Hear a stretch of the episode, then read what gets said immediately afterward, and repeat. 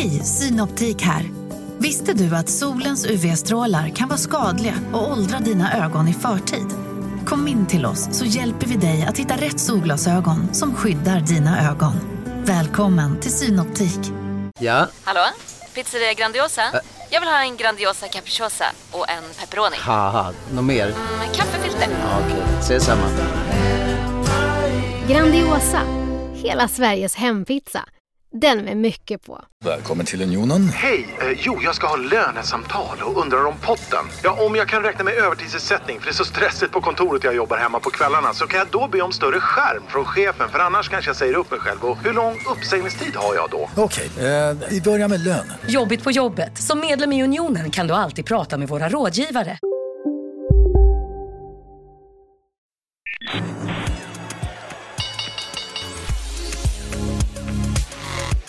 Här är Affärsvärlden med Helene Rådstein. Hej och hjärtligt välkommen till podden Affärsvärlden där vi varje torsdag fördjupar oss i affärsvärldens journalistik. Jag sitter här med Erik Wallin som är chefredaktör på Affärsvärlden. Hur är läget? Bra, kul att vara i podden igen. Du, vi har ju just suttit här och förberett oss för vad vi ska göra i sommar. Eller hur? Ja, det stämmer. Vi håller på att titta på vad vi eh, ska ha för paneler i våra åtta seminarier i Almedalen. Och eh, det är ju superroligt. Vi har ju haft de här, tillsammans med Deloitte så har vi kört nu i, jag tror att det är sjunde eller åttonde året i rad. Och eh, vi kör då eh, åtta seminarier som brukar vara väldigt mycket folk på och väldigt bra paneler. Men det kräver också väldigt mycket arbete och det har vi nu gjort i, eh, ja, man kan säga att vi börjar det arbetet så fort vi slutar för året. Det är ju väldigt mycket folk. Totalt sett är det ju hur mycket folk som helst som vi håller på att ragga in ju. Hur går det för oss egentligen?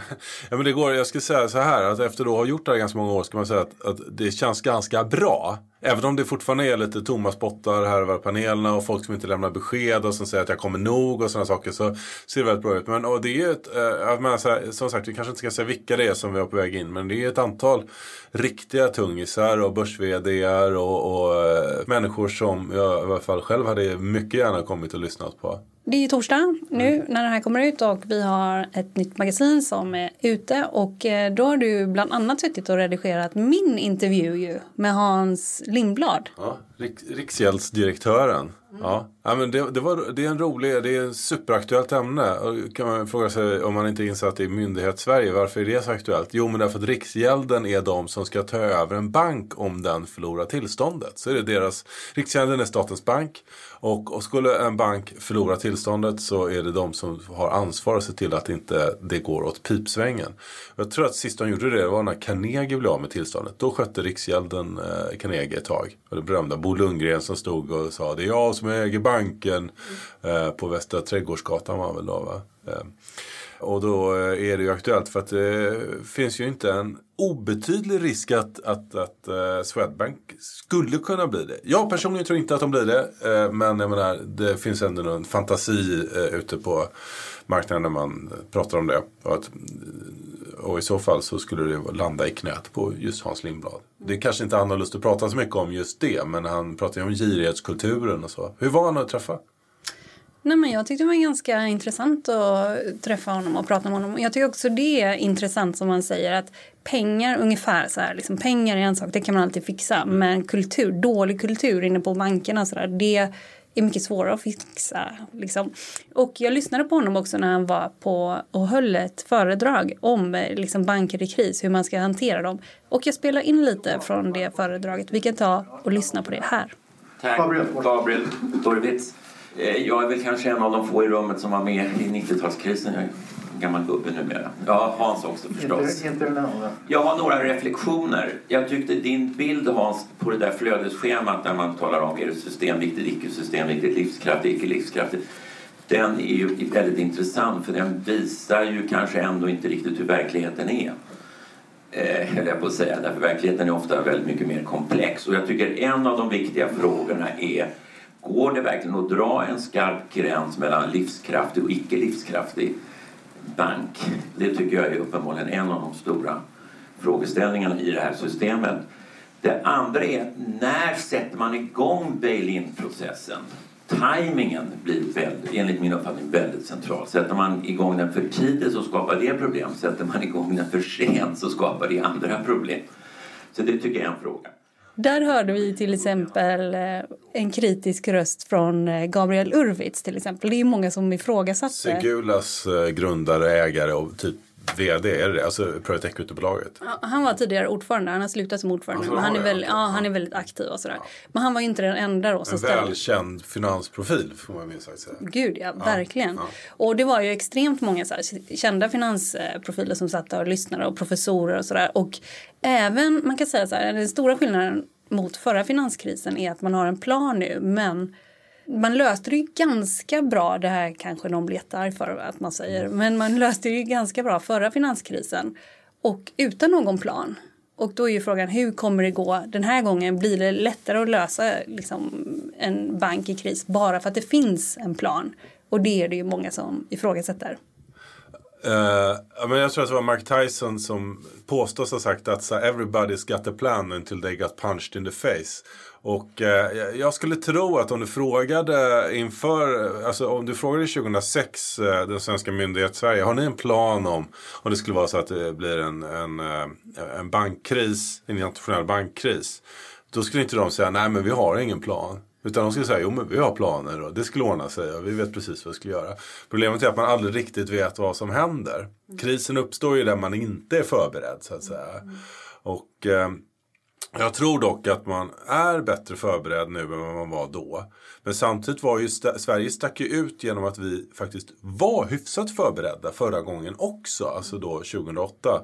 Eh, genom att vi hade haft vår egen skapade lilla svenska bankkris i början på 90-talet. Så att i Sverige satt ju faktiskt ett gäng personer som visste hur man skulle hantera eh, en bankkris.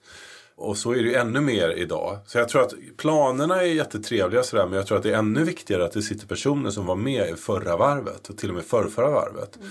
Men då tar man Hans Lindblad var ju en sån som var i högsta grad inblandad i att rädda, rädda Sverige under finanskrisen. Mm. Men du har ju också då en person som Stefan Ingves på Riksbanken som definitivt eh, har, har ju varit djupt insiktad i både den förra och förrförra då bankkrisen och sådär. Ja, och apropå honom, han är ju framförallt, Hans Lindblad är ju mest orolig över svenskarnas höga skuldsättning. Och det är ju också väldigt så här, intressant, det är det som man oroas mest över. Men inte i relation till bankerna utan i relation till att vi kommer sluta konsumera om mm. det blir mycket dyrare att betala av lån och räntorna mm. stiger och så där. Ja men det är faktiskt jättekul. Med det sagt så ska vi nu så handlar dagens avsnitt om eh, metoo. Mm. Vad, vad tror du om det? Väldigt spännande.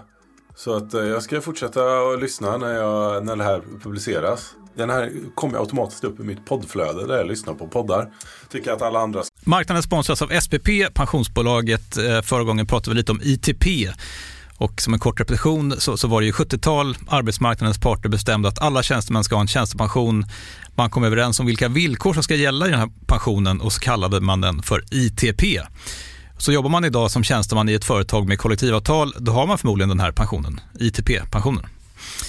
Eh, och det är ju så att man kan påverka eh, den här pensionen, hur den är placerad. Vart femte år så gör nämligen Collectum, som de heter, en enorm upphandling där olika pensionsbolag kan ansöka om att få förvalta eh, de här pensionerna. Och SPP är ett av bolagen som valdes ut i den senaste upphandlingen. Och sen kan du som pensionssparare välja eh, vilket av de här olika pensionsbolagen som, som då ska få ta hand om dina pengar. Och tanken med den här upphandlingen är ju att liksom kvalitetssäkra de här olika alternativen eh, men också att förhandla fram stora rabatter så att pensionsspararna ska få ja, kunna spara pengar genom att avgifterna eh, som är så viktiga eh, blir eh, lägre. Och vill man välja någonting i ITP-systemet då finns det en relativt ny sajt som heter avtalat.se. Ehm, där kan man gå in och se hur sin ITP-pension är placerad. Jag gjorde det häromdagen faktiskt. Ehm, idén är att hälften av pengarna alltid ligger i något som kallas för traditionell försäkring. Det här gjorde vi ett avsnitt om i podden Kapitalet nyligen eh, som vi kallade världens bästa sparform. kan man lyssna på om man är intresserad. Eh, den andra halvan eh, den kan man också lägga i en traditionell försäkring eller så kan man placera det i något som kallas för fondförsäkring. Ehm, SPP som sagt eh, var ju ett av de fåtal bolagen som valdes ut i den senaste upphandlingen och de finns med som alternativ både med en traditionell försäkring och med eh, fonder. Så det var en liten bakgrund till ITP-systemet. Vill man läsa mer om det här eller typ kolla hur ITP-pensionen är placerad, eh, kanske göra förändringar, då går man in på avtalat.se. Eh, men tack säger jag till SPP som vill göra oss människor mer medvetna om hur enormt viktig pensionen är för oss som en framtida lön, men också som en positiv kraft i samhället. Eh, och förstås för att ni möjliggör eh, den här podden Marknaden. Ska göra också, Helene. Yes, lyssna vidare. Du lyssnar på Affärsvärlden med Helene Rådstein. Nu ska vi prata om arbetsgivarens ansvar vad gäller metoo eller sexuella trakasserier. Och Det ska vi göra med Åsa Erlandsson som är en av Sveriges mest erfarna arbetsrättsadvokater och som också har gjort flera utredningar i metoo-relaterade ärenden. Välkommen hit. Tack så mycket. Ja, det kan man väl säga att du är en av Sveriges mest eh, erfarna arbetsrättsadvokater, eller? Jag vet inte, det får du gärna säga. Ja. Men jag kommer ihåg själv eh, när jag träffade dig för första gången, tror jag. Och Det var kanske 12 år sedan eller 10 år sedan. Någonting. Då pratade du om lojalitetsplikt. Mm -hmm. Alltså hur lojal man ska vara mot sin arbetsgivare. Nästan ingen som har fattat hur långt det där går. I alla fall inte om man är privatanställd. Det är jättelångtgående. Ja. Om vi börjar med metoo. Det svepte över världen hösten 2017. Du som har jobbat så länge med arbetsrättsfrågor. Var detta en överraskning för dig? Ja, det var det faktiskt. Eh, jag blev överraskad över att det, alltså det är inget nytt fenomen. Det är det som är det konstiga. Att det här förekommer och att det är ett problem där ute, det har vi vetat. Men att det plötsligt skulle locket tas av. Det var förvånande. Varför var det så förvånande? Nej, men det var en sån kraft. Helt plötsligt så vågade ju folk prata. Eh, det har ju varit väldigt tyst. Det har varit liksom lite skämskudde på de här sakerna. Man har liksom inte vågat prata, man har inte velat prata. Men plötsligt så var det som att någon bara tog av locket och alla vågade prata. och Det blev en otrolig kraft i det då. Ni gjorde en hel del utredningar till mm. de, runt företag som hade då personal som har anklagats för olika metoo-relaterade eh, saker. Och vad är det ni har gjort egentligen? Vad är det ni har utrett och hur börjar man utreda såna här mm. frågor? Ja, men egentligen måste säga att det finns ett eh, regelverk, eller det finns flera regelverk som hanterar att om man som arbetsgivare får reda på att man har en medarbetare som uppfattar att man är utsatt för sexuella trakasserier eller för den delen någon som menar att det är, något, det är något problem med arbetsmiljön. Folk mår inte bra här. Man är utsatt för hot på arbetsplatsen som inte behöver ha med sexuella trakasserier att göra men kan ha av den naturen, vara av den naturen också. Då har man som arbetsgivare en skyldighet att ta reda på vad är det egentligen som har hänt och vad kan vi göra åt det här för att det inte ska hända igen. Titta framåt. Och med det regelverket i, i bakgrunden så ja, förstår man ju själv att då måste man ju som arbetsgivare liksom fundera på hur ska jag hantera det här. Och ibland då, antingen för att man kanske känner att jag har inte förmåga och vet inte riktigt hur man ska göra sånt här själv. Eller för att det är så känsligt så att det inte är liksom lämpligt att jag som arbetsgivare själv gör det här. Så lägger man ut det på en extern utredare. Och många gånger så har det varit advokatbyråer som får göra de här utredningarna. Då. Och det man gör är att man tittar helt enkelt på vad är det som har hänt och försöker ta ställning till vad är det som har inträffat. Det är det första. Och när man sen väl har kommit fram till att ungefär det här bedömer vi har hänt, då måste man också ha lite förslag till hantering framåt. Vad ska vi göra? Och där finns det, det beror helt på vad det är för någonting som har hänt. Men det kan vara allt från att man sätter sig ner och pratar med, med personerna. Eller ibland så är det så illa att någon kanske till och med måste sluta. Eller, det beror helt på vad det är som har inträffat. När man då presenterar de här utredningarna, tycker du att om vi pratar om eh, liksom egentligen då näringslivet eller arbetsgivaren Verkar man ha förstått att man skulle agera på ett annat sätt? Eller finns det någonting här, liksom, jaha, är det så här vi skulle ha gjort? Ja, nej men så tycker jag verkligen. Alltså det här, reglerna är inte nya. Reglerna har funnits länge. Särskilt om i arbetsmiljölagen. Det är absolut ingenting nytt. Att arbetsgivaren har ett ansvar för att folk mår bra på arbetsplatsen och att man liksom inte ska gå omkring och vara rädd eller utsättas för sexuella trakasserier eller för den delen andra trakasserier på jobbet. Det är liksom grundläggande och borde vara en självklarhet. Men ändå så är det precis så som du lite grann frågar. Folk har varit väldigt förvånade. Jaha, vi har liksom inte riktigt fattat hur grundläggande vi var tvungna att ta i den här frågan och hur systematiskt vi var tvungna att ta i den och så där. hur strukturerat vi var tvungna att ta i den. Så det är ja, märkligt nog. Jag tycker faktiskt att folk har varit förvånade. För nu så borde ju kanske många arbetsgivare ha lärt sig någonting. Om vi väntar lite med den frågan vad man har lärt sig, kanske vi ska stanna upp. Vad är egentligen sexuella trakasserier? Och Liksom, mm. Det känns ju som något ganska subjektivt. Ja, det är det. det är, och det är en toppenbra fråga också. Där, jag är ute och pratar jättemycket om sexuella trakasserier och vad man ska göra då framför allt.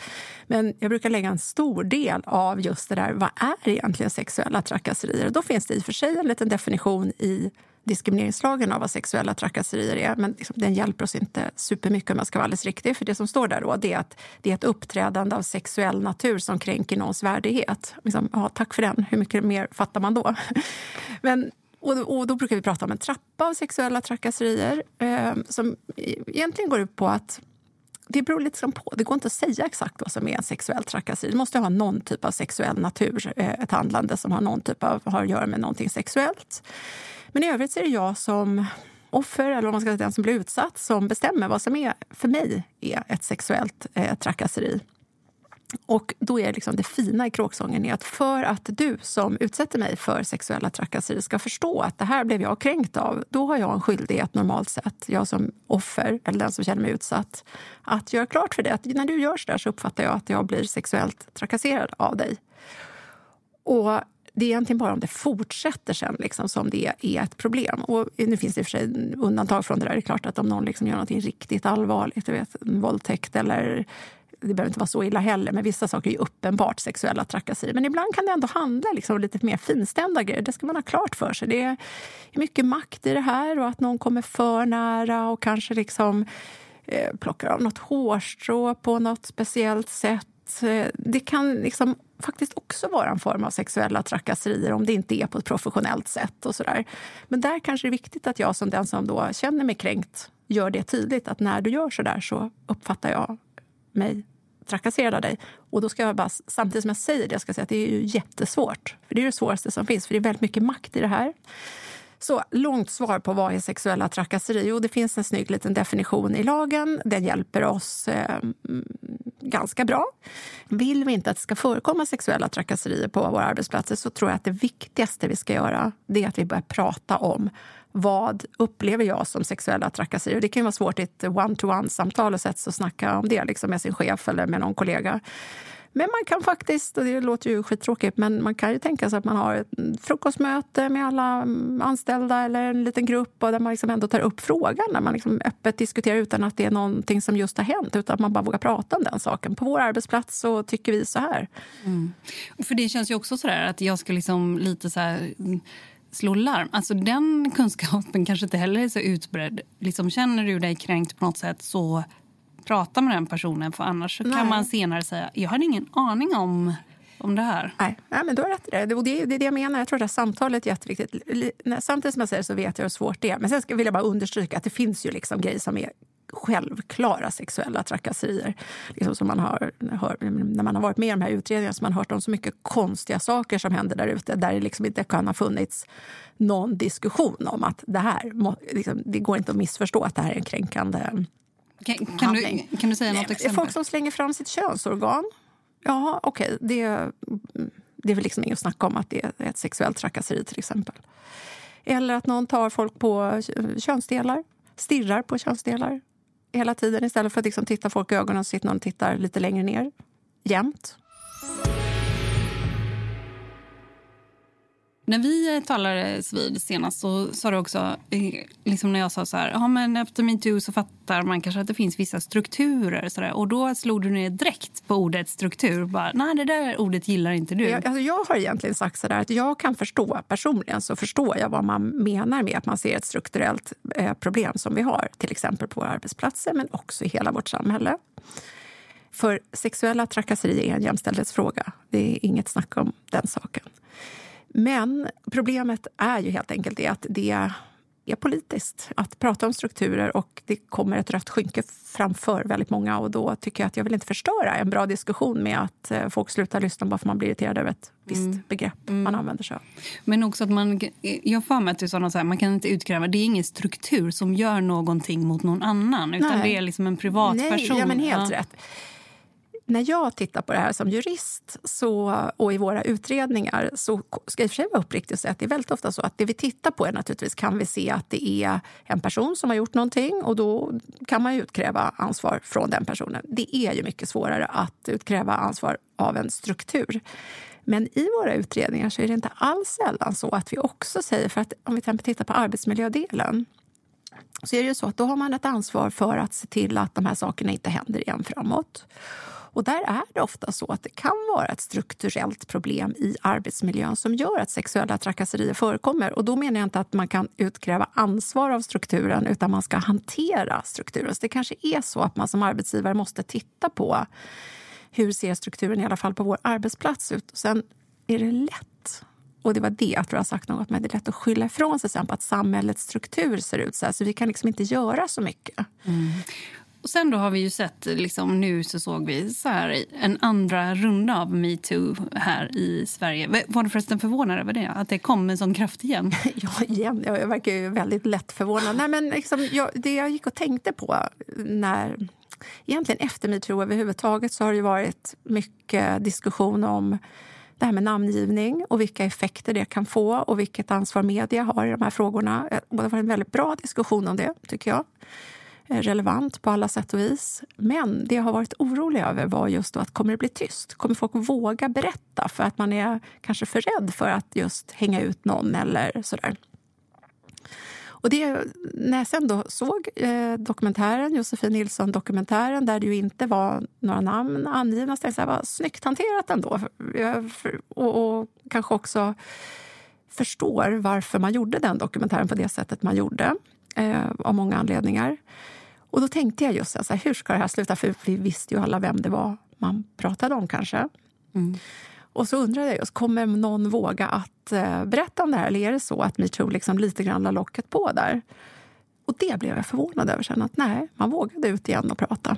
Och sen så ser vi då Dramatens chef, mm. vd och också konstnärlig ledare. Det har man ju diskuterat, by the way, om det är liksom två positioner som är rätt att ha samtidigt. Det är, ja. det är en helt annan diskussion, ja. ganska intressant ändå. Men ehm, då har man sett, liksom, nu avgår han.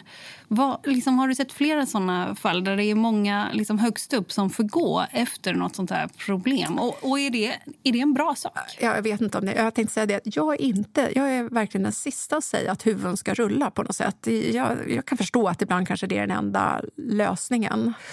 Men jag tycker egentligen inte... Det beror på hur man hanterar problemet. tycker Jag Jag tycker inte att liksom, det första steget måste vara att man alltid ska utgå från att den som ansvarar när en sån här sak händer måste man avsätta någon.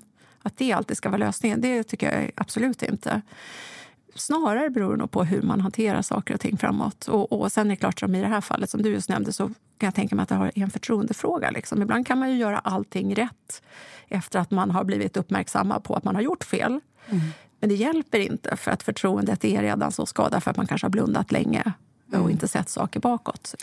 Framförallt i brittisk och amerikansk press så har det skrivits mycket om um, the Wall Street Rule. Mm. Det verkar vara lite separatistisk eh, ja, det är så modell. Sorgligt. Jag är så glad att du tar upp det, för det är så otroligt sorgligt. För en annan grej, jag, menar, jag tycker att det är superbra att de här, det tror jag alla tycker, att det är väl bra liksom, att frågor om missförhållanden på våra arbetsplatser och egentligen i samhället överhuvudtaget liksom, tas upp och hanteras. Det, det, det, hoppas jag att alla gillar. Men det som är sorgligt är om det leder till att man bara, ah, då är det ingen idé att vi liksom umgås med tjejer. Då kan vi inte, att det liksom leder till ännu mer eh, separation mellan könen. För, för, för, vad är det? Det är till exempel man checkar in på en konferens, man har olika Nej, våningsplan ja, för män och kvinnor. Ja, men enkelt uttryckt så har man ju sagt så här, liksom, att okay, i affärslivet så det går inte att umgås kvinnor och män. Liksom. Vi kan inte, alltså professionellt. Det, det är livsfarligt för att det, om du som man bor på samma våningsplan på ett hotell, sitter bredvid en kvinna på, flygplat, flyg, ja, på flyget. Om du ja, liksom är ensam med en kvinna så kan du få massa anklagelser mot dig för sexuella trakasserier. Och undvik det till varje pris, för det har du ju inte råd. Det kan ju bli livsfarligt. Och det vore ju otroligt sorgligt om det liksom blir konsekvensen av den här egentligen jätteviktiga frågan. Mm. Du själv kommer ju från en bransch eh, som har varit eh, exceptionellt dåliga på jämställdhet i toppen. Alltså där kvinnor har fått, inte fått ta del av överskottet som har blivit till samma utsträckning som män. Utan det har varit en manlig sak att delägarna får ta del av vinsten och det är svårt att bli delägare. Alltså när du lägger upp det så där, jag ska säga så här att det har varit traditionellt så har det varit fler män som har varit delägare på de affärsjuridiska byråerna. Absolut. För karriärstrukturen är långsam. Det tar lång tid att bli delägare. Och sen sitter det ju kvar massa normer hur man blir delägare. Hur ser en delägare ut? Hur får man uppdrag? Och allt vad det nu är för någonting som gör att det har varit svårare för kvinnor länge. Mm. Det har också varit ett eh, upprop från er bransch och många andra branscher kring det här. Och eh, du har också talat om att det är en typisk riskbransch när det är sådär mm. att ens karriär är... Liksom det är ett kön i toppen som eh, liksom sitter där. Och... Jo, men det är det ju så. Alltså, när man har, om man, makten är koncentrerad till ett visst kön så då är det riskfaktor. Och fall du är beroende av den makten för att kunna göra karriär då är det risk för sexuella trakasserier. Kan man göra nåt åt det här då? Om man säger så här, ja men långsamt, vi får vänta 20 år till här innan vi slutar vara en riskbransch. Nej, men för det första så skulle jag vilja säga att det händer väldigt mycket faktiskt. Det tittar man på nästan alla stora affärsjuridiska byråer, eller egentligen kanske alla affärsjuridiska byråer nu, så är det så att tittar vi på intaget av kvinnliga delägare nu så är det ju jättestort. Mycket, mycket större än vad det någonsin har varit. Så det känns som att det liksom rullar på i rätt riktning i alla fall.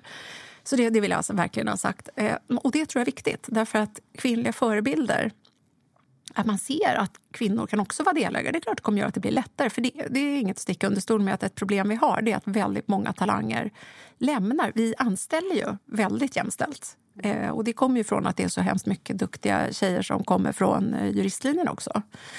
Men sen så är det många som slutar. Och jag ska inte säga att jag har något svar på varför, men jag vet från våra exitsamtal och sånt som vi har bland annat att ett skäl är att man har svårt att se sig själv där eftersom det inte finns så många förebilder. Jag har följt den, just den branschen länge och en sak som jag tycker också sådär lite det kanske inte är lite metoo-aktigt, men då kan det också vara så här, ja vi var på konferens och så var det en kvinna som var delägare och så var det liksom kanske tolv män. Och så var det bastu till exempel mm. på kvällen. Mm. Och det är inte riktigt metoo, men det är ju liksom aningslöst. För du känner ju inte för att gå in där Nej. såklart. Nej. Liksom, och, Nej. och basta. Nej. Och, och... Nej, är det så så är det, det låter ju inte som världens bästa konferensaktivitet. Eh, marknaden sponsras av Karla. Eh, vi pratar ju en hel del om bilar här på kontoret. Eh, Karla har ju skapat, skulle jag säga, det som är standarden för hur man idag köper och säljer bilar på nätet. Kort bakgrund bara. Karla säljer och leasar begagnade elbilar och laddhybrider på karla.se. Alltså en helt digital upplevelse. Och man har gjort det här med ett nästan maniskt fokus på vad en bilköpare faktiskt behöver. Jag gjorde ju en intervju med en av grundarna, Patrik Illerstig, i marknaden här eh, ganska nyligen, eh, daterad 25 mars, om man vill lyssna på den. Eh, men där berättar han hur de kom in i det här lite från vänster för att försöka uppfinna hela den här liksom bilköpupplevelsen från början. Och de har idag, vilket är rätt otroligt, 4,8 i betyg eh, på Trustpilot. Jag, jag har sett många företagssidor på Trustpilot, men det här är nog bland eh, det bästa jag någonsin sett eh, faktiskt. Man kan sälja bilen till Karla också. Eh, då går man in på karla.se, delar lite info om bilen, sen får man en gratis värdering och ett bud. De hämtar bilen helt gratis i hela Sverige och så har man pengarna på kontot i samma stund som de hämtar bilen. Det är grymt. Eh, så ska du köpa en ny bil eller sälja din gamla, eller båda delar för den delen, gå in på karla.se och eh, kolla. Alltså karla.se och Karla stavas med C. Tack så mycket till Karla. Det där har blivit mer medvetet om faktiskt. Mm. Um, överhuvudtaget att man tänker på sånt nu. Och, du, mm. och en, en, riktigt bra grej där förresten, det är ju att många eh, MPR eller VDR på affärsjuridiska byråer numera är ju, det är liksom rätt blandat där. Det är inte bara män. Och, och, det är klart att om det finns mer kvinnor i ledningen också så kanske man ändå kan säga, för jag tror inte att det är så att man har tänkt att man går och bastar bara för att vara taskig mot tjejer. Liksom. Det, det är inte, inte alls. Nej, nej, utan det är bara nej. aningslöshet. Och sitter det då Mm. med lite kvinnor som kan säga så här, du, vet du, när ni liksom tänker att ni ska göra något kul, kör inte bastu den här gången för jag tycker det är lite obehagligt. Och vi tycker det. Det blir bättre.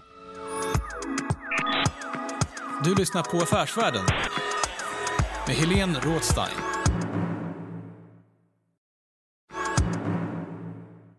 Om vi går tillbaka till metoo, för att minska sannolikheten för sexuella trakasserier om jag förstår dig rätt så är det också viktigt att det är blandat i ja, toppen. alla gånger så. Visst. Ja.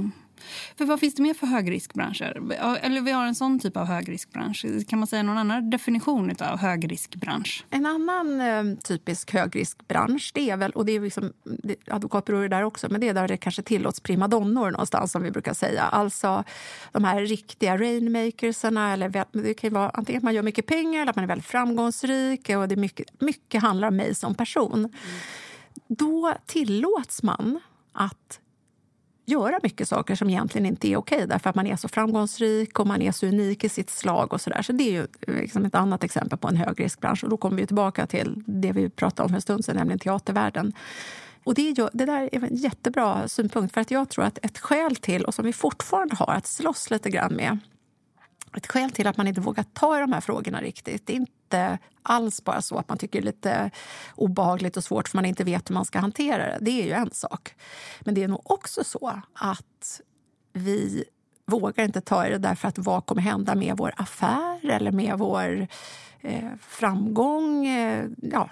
Mm. Jag vet att en gång för det var rätt länge sedan nu, men jag var på någon paneldebatt som rätt kul för övrigt. På universitetet så finns det en, eh, som heter, för, för länge sedan fanns något som hette Diskrimineringsdagen som var ett eh, evenemang som studenterna själva hade ordnat för de tyckte det var för lite diskrimineringsjuridik på universitetet. Och I alla fall så var jag med i någon eh, paneldebatt där och då satt Claes Borgström med där som ju tidigare var, ja, för länge sedan var jämställdhetsombudsman. Han har väl också haft en byrå tillsammans ja, absolut. med... Ja, ifall han inte har det fortfarande med Thomas Bodström. Precis. Mm. Ja. Men eh, han, eh, ja, då pratar vi just om det här, liksom, hur ska det kunna bli till jämställdhet på advokatbyråerna till exempel. Och då vet jag att jag nämnde att det finns ju två sätt att se det där på. Antingen så ser man det som en värderingsfråga, att det är viktigt ur ett värderingsperspektiv att man, eh, vi har jämställdhet. Det är liksom en värdegrund som jag står på. Och så sa jag så att jag tror att det är svårt att åtminstone i advokatbranschen få eh, framgång med det som argument. För att hos oss är det pengar som räknas. Mm. Vi måste kunna visa på affärsnyttan av en jämställd eh, advokatbransch. Och då vet jag att Claes eh, Borgström sa det, att ah, det där, nu tycker jag tar för lätt på det där, för den här värderingsfrågan är väldigt viktig också. Och nu när vi kommer till teatern så tror jag att ett skäl till att till exempel den här stjärnan som vi nu har pratat om i media väldigt mycket har fått vara kvar fast folk faktiskt har känt till mycket om saker som har hänt. Och nu har jag bara läst i media, men liksom det verkar ju varit så. Arbetsmiljön på den här teatern har inte varit jättemysig för många. Många har inte trivts med den. Men det har ju tillåtits på olika sätt därför att man, det har varit så framgångsrika stjärnor. Mm. Eh, och det, det där tror jag är en svår när ska vi våga säga att ja, den här personen drar in jättemycket pengar eller den här personen är världens bästa stjärna och han eller hon är jätteduktig på sitt yrke. Mm. Men vi, vi har ju tillåtit hemskt mycket därför att man har haft de här andra egenskaperna. Mm. För, för att bara hoppa vidare, för att vi pratade lite om det tidigare, du och jag, Helene. Eh, I helgen så har det varit mycket diskussion här om eh, en av Demokraternas eventuella kandidater till eh, president Joe Biden. Mm. Och eh, han har fått då, det har full synpunkter på att han har varit väldigt tactile, taktil, fysisk på olika sätt. Och lite samma sak där, för då säger folk att ja, han är en underbar person. Han är väldigt liksom, varm och ener energisk och han får väldigt mycket fina kommentarer också. Och då är frågan, tål man mer av en person som liksom är väldigt ja, framgångsrik och sympatisk på andra sätt? Och svaret på det är väl ja, det har man i alla fall gjort. Alltså, alltså generellt sett, så annars hade vi inte haft flera skandaler som har rullats upp så att säga. Mm. Om man inte hade haft det överseendet. Mm. Nej. Men eh, jag tänkte på det bara när du sa med de här affärsjuridiska byråerna. Med kvinnor, liksom nu blir allt fler kvinnor mm. delägare. Jag tycker när jag har följt den här branschen himla länge så tycker jag att de som har sagt att vi kommer jobba strukturerat med det här mm. det har faktiskt också börjat ge resultat. Ja. För jag tycker En stor skillnad nu är att det skiljer sig väldigt mycket från byrå till byrå mm. hur det ser ut. Mm. Och Då har man liksom samma kapital att ta av. Alltså om man säger, du, har, du kan liksom attrahera ja. olika människor och du kan göra kvinnor till eh, delägare eller göra det mer så här jämställt. Och jag tycker en väldigt stor skillnad är hur det ser ut där ute. Att det är flera byråer som inte har några kvinnor som är delägare medan det är jättemånga som har liksom mm. hälften. Och det verkar också vara något att man jobbar med det strukturerat. Jo, nej, men så är det. Alltså, vill man, men det vet man ju med vad det än är. Vill man nå resultat, sätt upp mål. Mm. Eh, bestäm hur du ska jobba mot det målet. Stäm av, kolla hur det går. Måste du byta strategi här och där? Jag tror absolut det. Den som jobbar strukturerat med den här frågan, liksom med alla andra frågor, kommer nå resultat. Så mm. det, jag håller med om det. Mm, så det är mycket så struktur. Okej, om du ska ge några råd här då, till några eh, chefer som lyssnar på det här. Så här undviker du sexuella trakasserier på arbetsplatsen. Vad ska man göra? Ja, eh, det första enkla tipset är bara att tänka efter lite grann. Liksom. Att man bara sunt förnuft eh, kommer man ganska långt på. Det är det ena. Men annars så tror jag bara att det handlar om att medvetandegöra. Och jag tycker att våga prata med sina anställda om hur vi förhåller oss till varandra. Vad, för, vad har vi för grundvärderingar här? Ja, men kanske jämställdhet. Vi, får, vi to, bara så det sagt. Det står i lagen att man ska ha typ, nu slarvar jag lite, med nolltolerans mot sexuella trakasserier. Och det ska alla anställda veta om. Det är ju väldigt många som gör en liten policy där man skriver att vi har sexuella trakasserier, noll eh, tolerans mot, ursäkta meningsbyggnaden. och så lägger man det på intranätet. Ja, men det är ju fint. Men varför inte gå ut och prata om de sakerna? Vad betyder det hos oss? Och ta input ifrån din organisation. Samma sak med kränkande särbehandling och överhuvudtaget arbetsmiljön på arbetsplatsen. Hos oss är det viktigt att man mår bra, känner sig säker på vår arbetsplats. Gör man våga prata om det. Det är egentligen det som är det allra, allra viktigaste. Mm. Och är det så att man får en indikation så måste man ju hantera frågan, ta upp det, våga utreda. Jag säger det igen, våga följa lagen. Det vill säga våga ta, ta tag i problemet, ta reda på vad har hänt gör någonting åt det. Och det ska gälla oavsett om det är en person som drar in hur mycket pengar som helst till det här stället eller är vår största stjärna av något annat slag. Det, man måste våga ta i det. Åsa Erlandsson, tack så jättemycket för att du kom hit. Tack själv. Du har lyssnat på en podd från Affärsvärlden. Jag heter Helene Rothstein. Mer fördjupande journalistik om näringslivet finns både på nätet och i Sveriges äldsta och faktiskt bästa affärsmagasin. Du hittar oss enklast på affärsvärlden.se och podden den är tillbaka om en vecka. Håll ut, hej då!